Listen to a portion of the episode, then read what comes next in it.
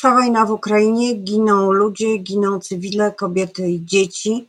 E, Rosja e, cały czas prowadzi ostrzał różnych ukraińskich miast, między innymi Kijowa, a losy ukraińskiej ofensywy są e, nieznane. Część działań jest prowadzona, a część działań jest zawieszona. Tymczasem w Polsce coraz bardziej rozkręcona kampania wyborcza bombarduje obywateli coraz bardziej dosadnymi komentarzami polityków, zmianami strategii i zmianami e, niektórych szefów kampanii wyborczej. Jakim tematem w tej kampanii będą prawa kobiet? O tym już za chwilę będę rozmawiała z moim gościem, Zuzanna Dąbrowska. Dzień dobry. Moim gościem jest posłanka Nowej Lewicy, Wanda Nowicka e, i była szefowa Federacji na Rzecz Kobiet i Planowania Rodziny. Dzień dobry Pani Dzień dobry Państwu. E, dzień dobry. E, pani poseł, e, zrobiło się bardzo głośno o tym, jak wygląda nasze prawo aborcyjne, bo znowu kolejna kobieta straciła życie w szpitalu. Kobieta, która chciała urodzić, która chciała zdrowa wyjść ze szpitala z niemowlęciem. I to od razu polityczne czy to dobrze, czy niedobrze, że to jest akurat czas kampanii wyborczej? Czy dobrze dla spraw kobiet? Znaczy, no przede wszystkim e, nic nie jest dobrze dla kobiet w Polsce, co się aktualnie dzieje, a co jest związane z tak zwanym zdrowiem reprodukcyjnym, a w szczególności z prawem do e, przerywania ciąży, czy po prostu drastycznym, haniebnym zakazem aborcji, który jest wynikiem decyzji Trybunału Konstytucyjnego. Wszystko, co się wokół tej sprawy dzieje, to po prostu jest ten element wojny z kobietami, którą Prawo i Sprawiedliwość rozpętało już, już dość dawno i doprowadziło do wyroku Trybunału Konstytucyjnego Julii Przyłębskiej. I, I przecież było wiadomo, jakie będą skutki tego wyroku. E, o tym mówiłyśmy, apelowałyśmy, żeby jego nie, nie wprowadzać, bo kobiety będą na tym cierpieć, tracić zdrowie, a czasem i życie. I niestety w tej chwili mamy z tym e, do czynienia. Czy będzie to miało jakiś wpływ na kampanię wyborczą? E, to zobaczymy. E, ja jestem przekonana, że, że Polki dadzą wyraz w głosowaniu, co sądzą o takiej polityce mm, e, rządu Prawa i Sprawiedliwości względem kobiet. Już wiemy z badań, że ponad 70% Polek boi się zachodzić w ciążę, boi się przebywać w szpitalach, bo nie ma zaufania do tego, że do lekarzy, nie ma zaufania do tego, że to, co, czego się mogą spodziewać w, w szpitalach, że lekarze będą się przede wszystkim kierowali mm, ich dobrem, ich życiem w przypadku jakichś problemów. Ale to też tak, nie jest. Ale y, lekarze, położnicy i ginekolodzy mówią, że są poddani presji E, że się obawiają, e, trochę chcą zrzucić z siebie odpowiedzialność na właśnie tę, e, tę sferę polityki i legislacji, czyli po prostu na skutki werdyktu Trybunału Konstytucyjnego Julii Przyłębskiej, a sytuacja jest coraz gorsza i to wygląda na taki zaklęty krąg. Im bardziej zmienia się opinia publiczna, im bardziej kobiety, y, nie tylko zresztą kobiety, im większa część społeczeństwa domaga się mm, tego, tego bezpieczeństwa dotyczącego porodów, y, bycia w ciąży, aborcji in vitro, tym bardziej jest to polityczne i, i nie widać końca, chyba że e, zmieni się władza, ale na razie nie widać. E, tak, zmiana władzy jest tutaj kluczowa i ja wierzę i mam nadzieję, że do niej dojdzie, ale też jako osoba, która od lat e, walczyła o legalną aborcję w Polsce, mam też świadomość, że pewne zmiany społeczne nie zajdą, nawet gdybyśmy e, od razu zmienili prawo aborcyjne. Mam nadzieję, że do tego dojdzie, ale trzeba pamiętać, że przecież środowisko medyczne w większości swej jest bardzo konserwatywne i też powiedziałabym dość oportunistyczne i problemy już zaczęły się wcześniej i odmawiano kobiet, kobietom przerwania ciąży. To, do czego teraz doszło, to jest kwestia skali. W tej chwili to praktycznie e, na palcach jednej ręki można policzyć lekarzy, którzy e, decydują się przerwać ciążę, mimo tych strachów, że lekarze mogą ponosić konsekwencje. Ale prawda jest taka, że w ciągu 30 lat obowiązywania represyjnej ustawy, która teraz jest jeszcze bardziej represyjna, ani jeden lekarz nie znalazł się w więzieniu, nie poniósł konsekwencji prawnych. Jedyna osoba, która poniosła konsekwencje, to Justyna Wydrzyńska z aborcyjnego Dream Teamu, która podzieliła się swoją tabletką mm, aborcyjną z kobietą, która y, chciała mm, przerwać ciążę, bo była ofiarą przemocy ze strony przemocowego partnera. Także to ryzyko, o którym mówią lekarze, jest tak naprawdę minimalne, no jest pewną niewygodą, prawda, bo jeżeli jest aborcja, no to wiadomo, prokurator może wejść,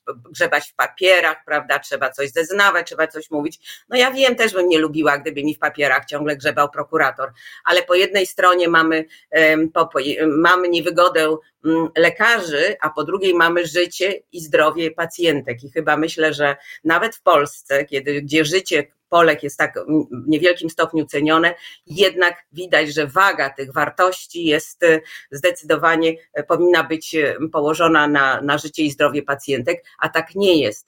I jeszcze co gorsza dodam, Ale... tylko bym powiedziała. Dobrze, dobrze. Dobrze, proszę. Ja chciałam tylko wspomnieć, że tej nadziei w tym momencie też nie można mieć z tym, co proponuje minister Niedzielski, e, tej komisji, którą powołał, ponieważ ta komisja składa się z tego samego środowiska medycznego. Bardzo, tak powiem, no nie chcę nic mówić krytycznego, ale wiadomo, że, że lekarze jednak bardzo mocno się trzymają, a nie jest, nie została rozszerzona o, yy, prawda, bo to powinna być komisja ponad, yy, ponad yy, tam powinni być prawnicy, powinny być przedstawicielki organizacji kobiecych. Nic z tych rzeczy. Jeżeli to będzie to samo grono decydowało o tych samych sprawach, to y, y, będzie to trwało bardzo długo i na końcu się dowiemy, że nic się nie dało powiedzieć, że można było tak czy inaczej i wina lekarzy w żaden sposób nie zostanie przez środowisko e, medyczne mm, dostrzeżona. No tak, ale jednak jest tak, że rola konsultantów wojewódzkich i konsultanta krajowego jest w tym e, istotna, e, a oni e, zarówno podczas konferencji konsultant krajowy, jak i, jak i konsultant wojewódzki w przypadku pani Doroty, kiedy zadzwoniono do niego wreszcie za późno, i który natychmiast wydał zgodę i, i zalecenie, że ciążę należy przerwać, bo jest niebezpieczna dla życia. To, to niestety, jak powtórzmy, było za późno, ale to dlatego, że lekarze za późno do niego e, zadzwonili. A z drugiej strony mamy e, do czynienia z wolontariuszkami, z aktywistkami z organizacji kobiecych, które starają się pomóc, ale to też jest ryzykowne. To z kolei jest przypadek łódzki, kiedy e, kobieta zdecydowała się nie brać leków, zresztą niezbyt skomplikowanych, na podtrzymanie ciąży, która obumierała, na co czekali e, lekarze. I to jest wielka odpowiedzialność, zarówno dla samej kobiety, jak i też dla tych, które jej e, pomagają no, zachować życie, ale przecież nie ma pewności. One nie są lekarkami, nie mogą jej zbadać, nawet gdyby były. Jak sobie z tym poradzić? Znaczy, no przede wszystkim um, trzeba e, mieć świadomość, że po pierwsze, że aborcyjny Dream Team i inne organizacje zajmują się aborcją w różnych jej przejawach od wielu, wielu lat. W Polsce aborcji się praktycznie nie wykonuje, więc jeżeli mówimy o jakimś doświadczeniu, to właśnie przedstawicielki organizacji e, kobiecych wiedzą o wiele więcej niż lekarze, bo lekarze sami się zresztą do tego przyznają, nie robią aborcji, w związku z tym nie umieją jej robić. Mamy, mamy do czynienia z wtórną niekompetencją czy brakiem profesjonalizmu akurat w tej sprawie.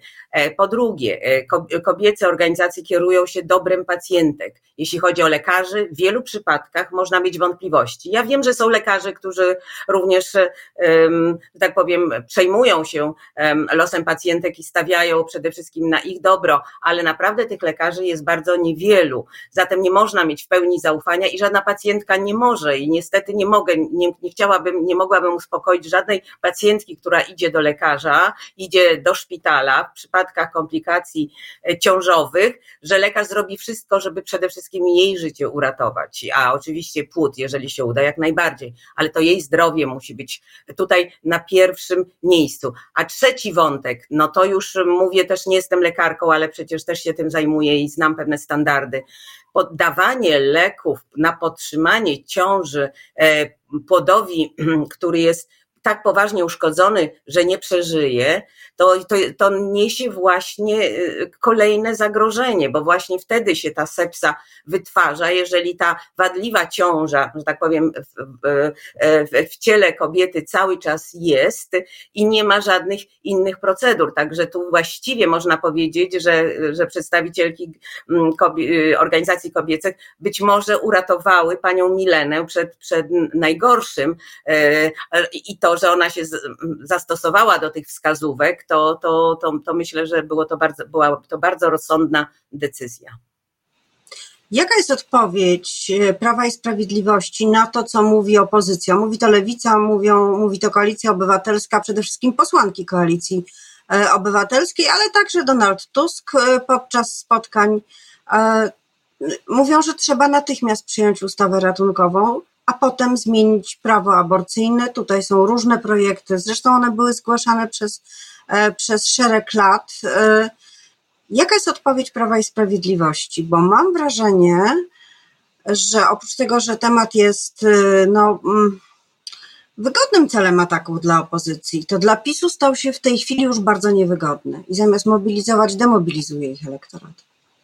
Mm, to prawda, Jarosław Kaczyński był tak widać niezadowolony, kiedy dziennikarka zapytała go, prawda, o tę sprawę i jedyne, co był w stanie powiedzieć, to było coś tak obrzydliwego i sprzecznego z rzeczywistością, to jest to, że to wszystko jest kłamstwo. On po prostu idzie w zaparte. Widać, że Jarosław Kaczyński tak oderwał się od rzeczywistości, tak nie ma pojęcia nie tylko co się w kraju dzieje, ale nie ma pojęcia, co to znaczy rodzić, co to znaczy być kobietą w Polsce, jakie skutki, e, realne skutki są decyzji, które on podejmuje na, na zgubę niejednej e, kobiety i to jest, i, i, i to jest ich w, tej, w tym momencie jedyna wykładnia, bo jak Kaczyński powiedział, że to wszystko jest kłamstwo, to teraz y, wszyscy politycy Prawa i Sprawiedliwości zaprzeczają, y, idą w kierunku, że to jest jakby błąd medyczny, prawda, że to absolutnie nie wynika z wyroku, co jest oczywistą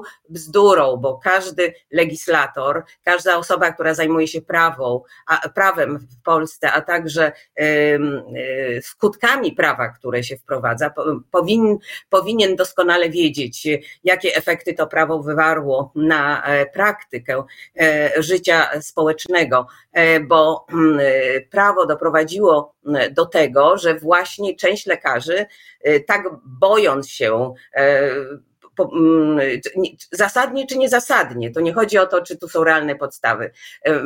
Moim zdaniem nie ma realnych podstaw, ale fakt, że e, część takie obawy ma, powoduje jeszcze większe zagrożenie dla życia kobiet.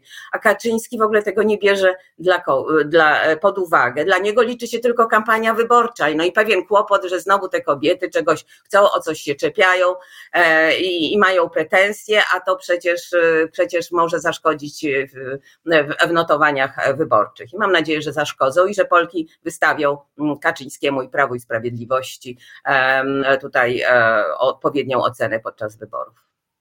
Obywatelski projekt dotyczący finansowania in vitro został skierowany do komisji. Czy ten projekt ma szansę znaleźć swoją finalizację w tej kadencji? Czy te prace będą e, tak samo intensywne jak prace przy innych e, ustawach, na których zależy rządowi? Jeśli chodzi o mm, e, e, finansowanie in vitro, e, którego z budżetu państwa, którego dotyczy obywatelski projekt inicjatywy, inicjatywa obywatelska, która bardzo dobrze, że, że została złożona, bo kiedy ja złożyłam już ponad półtora roku projekt dokładnie taki sam, to oczywiście on nawet nie dostał numeru druku, więc dobrze, że ten projekt jest w Sejmie.